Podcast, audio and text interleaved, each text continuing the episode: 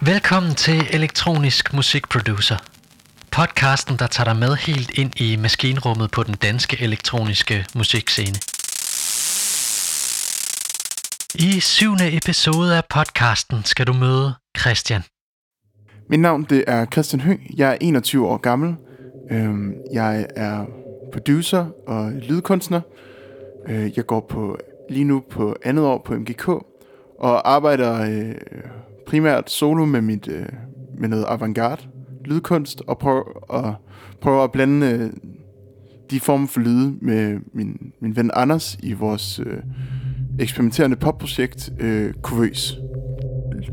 I øvrigt så er jeg formand for lydkollektivet Fjordlyd, øh, som øh, er et kollektiv for producer i og omkring Aalborg, øh, hvor vi mødes en gang om ugen og, øh, og spare lidt og, og lære lidt af hinanden og, og lave nogle beats sammen og, og, og, og hygge os lidt. Og alle er velkommen lige meget, hvad for et, øh, et øh, niveau de er på. Øh, jeg startede med at spille saxofon som, som syvårig, og øh, her lærte jeg øh, meget om, hvordan man øh, den meget sådan, teoretiske del af musikken.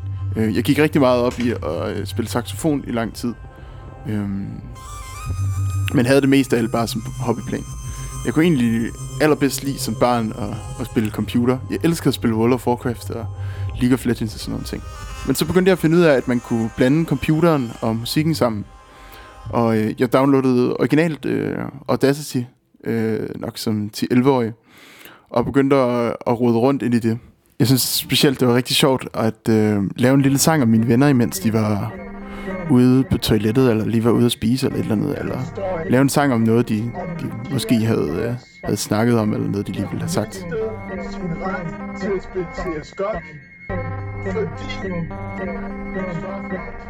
Øh, og jeg begyndte så lige så stille at få mere og mere interesse for det her. Så øh, var det sådan, at på min lokale musikskole, så øh, var det muligt, så kunne man øh, få elektronisk, øh, hvad hedder det, var der en, der hed Ivan, som, øh, som underviste i øh, Max-produktion. Vi var kun to, der, der, var, der var inde og, og få det her. Men øh, han lærte os lige stille at bruge Max, selvom at jeg overhovedet ikke forstod det, fordi jeg var hvad, 13-14 år gammel på det tidspunkt. Så begyndte jeg lige så stille at få interesse for Ableton.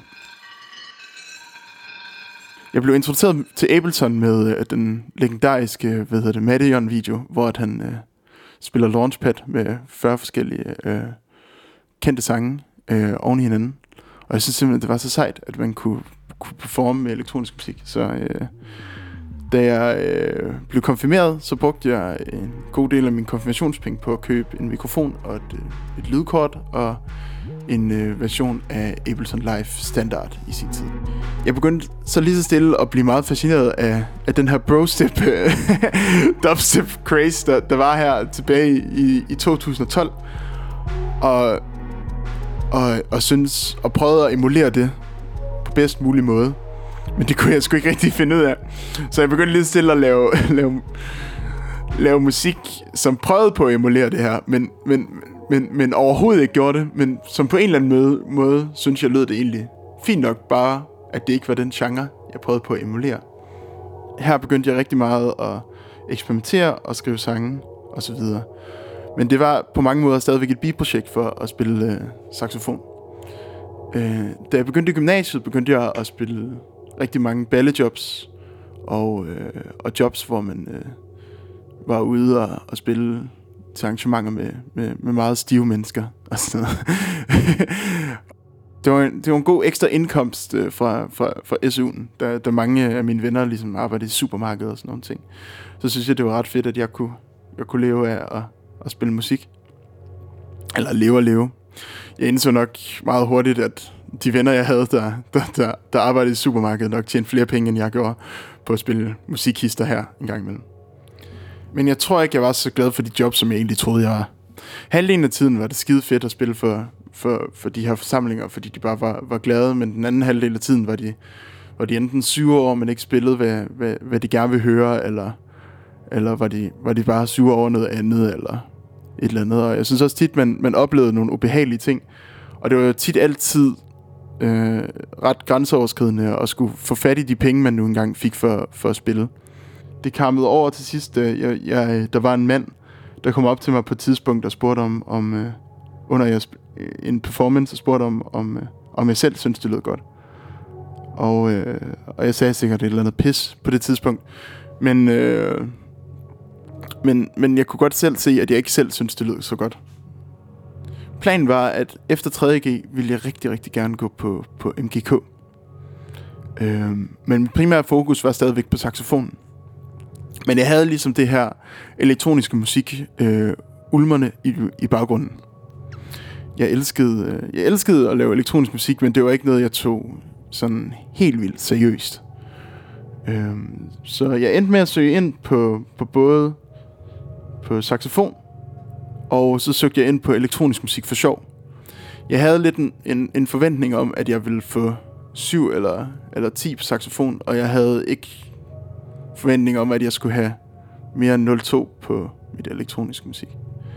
Men det endte med, at jeg blev så nervøs til min prøve, eller spillede noget, som jeg synes, de der lærere skulle høre frem for noget, jeg rent faktisk var god til at spille. Øh, til min saxofonprøve og fik fire og kom ikke ind på saxofon. Men to dage senere, så var jeg til min elektronisk musikprøve og, øh, og fik 10 og kom så ind på elektronisk musik på MGK. Og det var lidt et vendepunkt i mit liv, øh, da jeg så lige så stille begyndte at have saxofonen på hobbyplan og begyndte at tage den elektroniske musik mere seriøst. Jeg var så heldig at få et, øh, et rengøringsjob, øh, hvor jeg samtidig kunne sidde og lytte til musikken.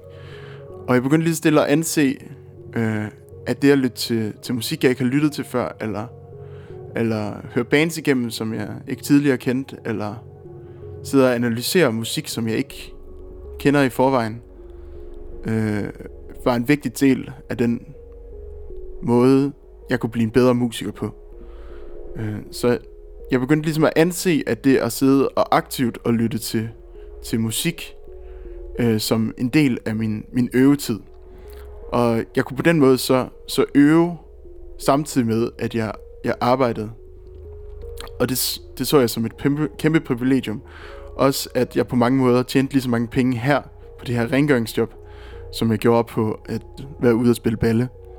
Minus alle de dårlige oplevelser, man nogle gange fik en gang imellem. Og minus alt det øh, bøvl og ballade, der nogle gange er om at få sort penge i, bagdøren.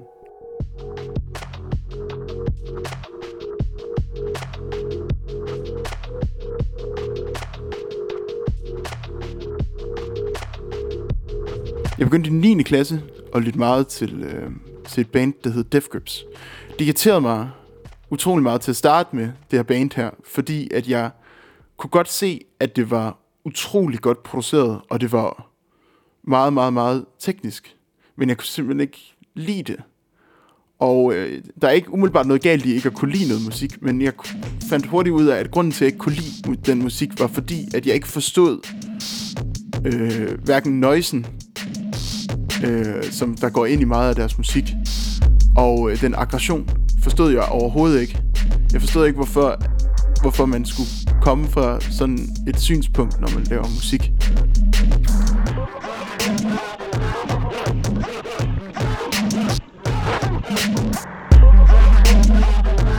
Jeg endte med at lytte til deres plade øh, The Money Store 20 gange, uden at kunne lide den. Øh, fordi det føles lidt som en, en gåde for mig, som at løse puslespillet til, hvorfor det her det lød godt. Og det var en, en, en meget stor del af, af, af den, den musik, jeg laver nu, fordi det er en af mine, mine yndlingsbands nu, fordi ja, også fordi jeg har haft, jeg tror også lidt fordi jeg har haft den her oplevelse med bandet, at jeg nu endelig forstår, hvad det er, de prøver på at udtrykke, og endelig forstår kompleksiteten af, hvad de laver. Ikke at kompleks musik er bedre end ikke kompleks musik, men mere at, at det lyder bare som sådan en pærevælling alarm, når man hører det, når man hører det første gang. Men nu er det bare, giver det bare mere og mere mening. Så øh, begyndte jeg lige så stille at indse, at man hører tit, at folk går rundt og siger, at dødsmetal er bare en omgang larm, og, og det kan ikke være musik. Eller, jeg forstår ikke dødsmetal. Og jeg begyndte også bare at indse, at, at, at nej, jeg forstår ikke dødsmetal, men måske jeg skulle, skulle prøve at sætte mig ind i det. Så det, vil, det begyndte jeg lige så stille at gøre med, med, med, med samtlige genrer, der findes, øh, da jeg var 14 år gammel. Jeg gik på Wikipedia og, og tog lige så stille en... Øh, der er sådan nogle, øh, sådan nogle suggested subgenre og genre hen ad vejen, øh, og begyndte lige stille at læse om alle de her genrer her. Og det var min mål altid at finde en sang inden for hver genre, som jeg, som jeg, som jeg, som jeg godt kunne lide. Og, og en sang, som jeg ikke kunne lide, og som jeg kunne begrunde, hvorfor jeg ikke kunne lide den inden for, for den her genre. Og øh, på den måde blev, jeg, blev min musikalitet meget bredere, og min måde at kunne lave musik på øh, meget bedre. Næste skridt var så lige så stille at finde ud af, hvor de her kunstnere kom fra, og hvordan de lavede musikken. En af de allersværeste genrer, synes jeg originalt at, at forstå, det var øh, den sorte metal. Mange af de her mennesker kan ikke lide at snakke med hinanden, og er meget isoleret, dem der laver sort metal, og laver jo faktisk meget af musikken på computer. Og jeg hørte så et interview med, med egentlig det forfærdelige menneske, hvad hedder det, Varke Vigernes, hvor at han, han snakkede om, at han en dag i hans studie øh, fandt det dårligste gear, han overhovedet kunne finde til at indspille med. Øh, han fandt en headset-mikrofon til at, at indspille øh, hans vokal med, og fandt øh, den dårligste amp til at indspille hans guitarlyd med. Og grunden til, at han gjorde det, det var fordi, at han gerne ville have hans musik til at lyde så død som overhovedet muligt. Og på den måde ved at have den dårligste kvalitet, som man nu engang kunne få, så øh, vil, vil, vil musikken også lyde øh, som om, at, at han nærmest var død. Eller så, så tør og så brutal som overhovedet muligt. Her indså jeg, at, øh, at, at det ikke altid at det er det bedste gear i hele verden, som, som, som, som giver de bedste resultater. Jeg så også på en livestream for siden forleden, at den bedste mic, du har, det er den mic, du har på dig. Og det lever jeg også meget efter, øh, det her princip. Men jeg begyndte lige så stille at blive rigtig, rigtig glad for alle de her meget alternative genrer. Og øh, begyndte mere og mere at tage afstand til populærmusikken.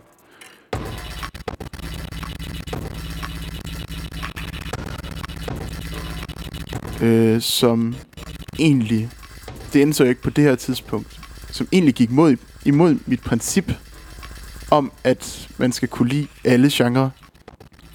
Men her blev jeg meget fascineret af, af Kanye West. Man må, man, må, man må mene, hvad man vil om, om, om Kanye West som person, men han har haft en kæmpe indflydelse på, på mange mennesker, og også på mig, øh, om at jeg er blevet så glad for, øh, for, for popproduktionen.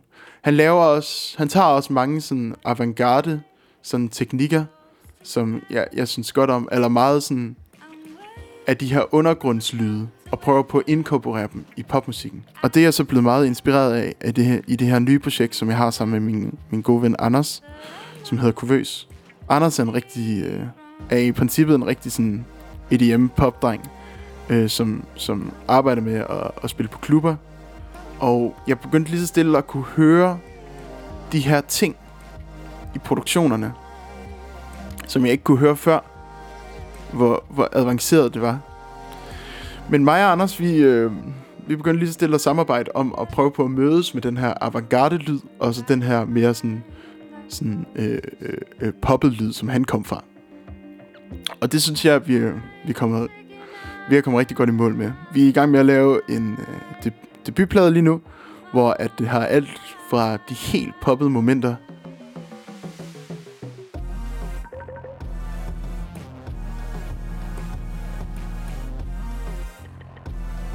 til de, øh, de meget dystre avantgarde ting. Og vi prøver lige at stille og, og prøver på at få det hele til at hænge sammen.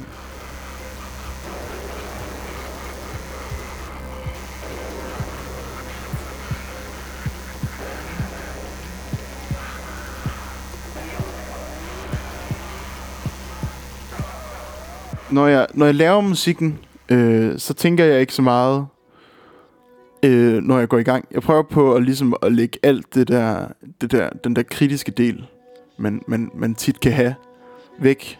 så meget som overhovedet muligt. Den der med at sidde og sætte spørgsmålstegn ved sig selv, når man laver musik, øh, øh, den, skal, den synes jeg, man skal prøve at pakke så meget væk som overhovedet muligt. Man skal prøve at være så fri i sit eget sind som overhovedet muligt. Jeg tror også, det er en af de, de, de ting, jeg har, jeg har lært af, af den måde, Kanye han, han snakker om, at man, man, man må på en eller anden måde prøve at være sin egen største fan. Øh, man, man, skal, man skal helt selv godt kunne lide, hvad det er, man sidder og laver. Og øh, man skal aldrig, man skal, man skal heller ikke være kritisk over for det, man sidder og laver.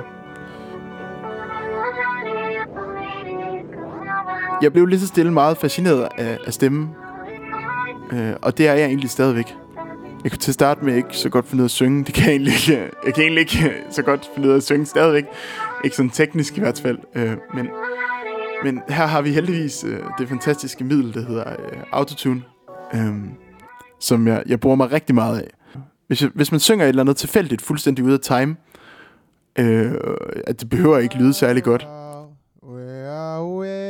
Og så bare smækker 100% autotune på, så lyder det næsten altid sådan nogenlunde godt, hvis man sætter det inden for en, en skala, eller en, en dur skala eller en pentatonskala. Her prøvede jeg lige så stille at lave sådan nogle øh, fase-ting, sådan nogle cifrejs ting, at øh, man, hvis man har nogle loops, som ikke øh, er lige lange, men looper det samme, så vil de lige så stille gå ud af fase.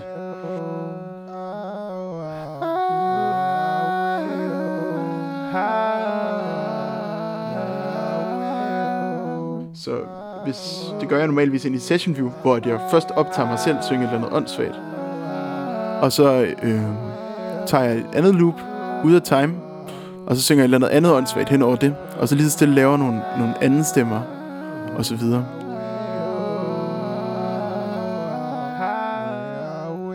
Og så kan jeg finde på at øh, duplikere en af de originale tracks, og så pitch det ned, og så sætte autotune bagefter. På den her måde, så vil du kunne lave øh, sådan nogle øh, traditionelle øh, kor treklangsvar øh, helt af sig selv.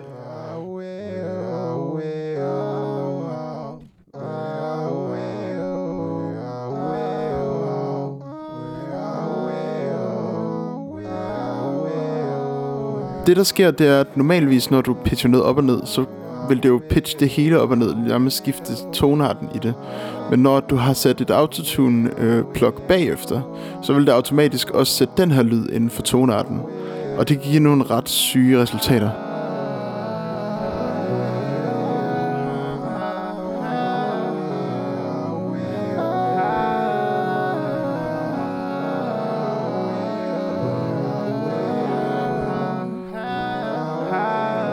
Øh, det her, det kan man bare rode med så meget som overhovedet muligt. Det behøver heller ikke at være en stemme, det kan sagtens være en melody loop. Øh, det her, det tager jeg tit udgangspunkt fra. Og herefter så leger jeg bare.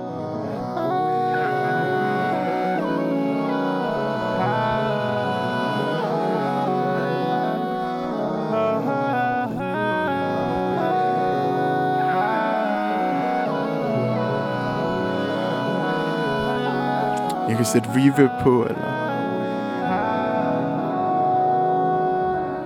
delay, eller chorus, eller en eller anden effekt. For tiden er jeg blevet, blevet rigtig glad for at bruge øh, det Max for Life device, der hedder Grain Freeze.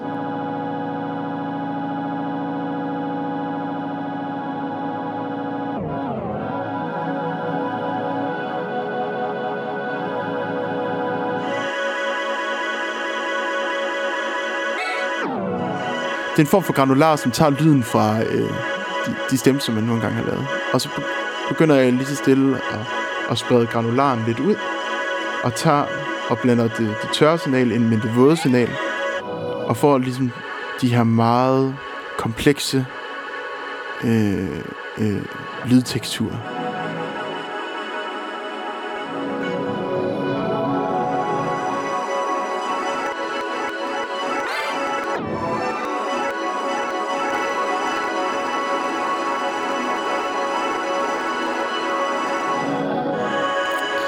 Her prøver jeg bare at arbejde videre som, som overhovedet mu- så meget som overhovedet muligt. Sætte dem, måske sætte dem i en sequencer, så jeg kan lave et beat ned under det. eller øh, lave noget, noget ambient, som måske er mere, som måske eventuelt kan give mere mening. Når jeg arbejder, så, så kan jeg godt lide at, at tænke så lidt som overhovedet muligt. Eller begynde mest at tænke over tingene, efter at jeg har lavet musikken. Ligesom at tænke, hvad er ideen med det her track, efter tracket er færdig. Jeg elsker en masse musik, som, som bare lyder godt, men som der ikke er sat nogen tanke i. Jeg kan virkelig godt lide øh, uh, lidt Usivert og 21 Savage og sådan nogle ting. Uh, jeg synes, det er rigtig fedt. Og meget sådan elektroniske producer, som, som, som egentlig bare laver nogle fede ting, men som der ikke er sat så meget tanke bag. Øh, det synes jeg bare er, er mega fedt, men jeg synes altid, at, at, at, at, at jeg godt kan lide at, at prøve at, at have en mening med, med, med det, jeg laver. Eller prøve at at, at sætte de numre, jeg nogle gange har lavet, ind i en mening. Min store drøm, det er, at... Øh, min store drøm er, at øh, jeg en dag kan leve af at spille elektronisk musik. Øh, jeg er lige så stille begyndt at kunne få flere og flere jobs, så jeg er ude at undervise en, en del og sådan noget. Men det er alting... Hele min indkomst er selvfølgelig sat på pause nu, hvor at øh, coronatiden, der ligesom hviler. Øh, jeg har stadigvæk mit rengøringsjob til ligesom at have en fast indkomst til at kunne betale min husleje, men, men, men der kommer jeg jo heller ikke ud for tiden. Øh, jeg håber bare, at folk de ikke ligesom har glemt mig efter øh, alt det her øh, coronatid. Og ja, jeg er også godt klar over, at, øh, at, at jeg stadigvæk har meget at lære endnu, og jeg stadigvæk er meget ung og, og sådan noget. Men jeg, jeg håber, at, øh, at jeg ligesom kan blive bedre og bedre til det her, og at jeg kan have muligheden for at fokusere på det her resten af min dag.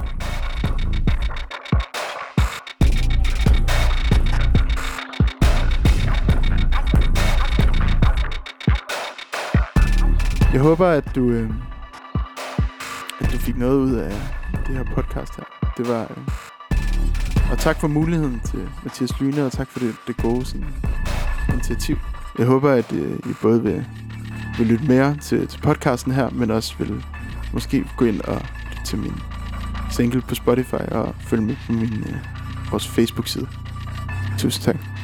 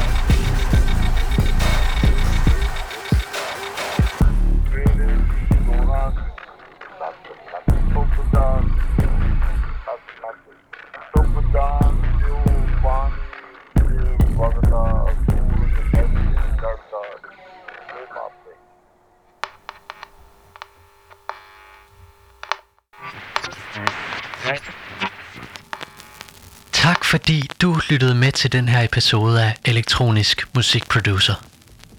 Du finder links til kunstneren i episodens show notes i din podcast player eller på SoundCloud. Og så synes jeg, du skal kigge forbi vores community på Facebook.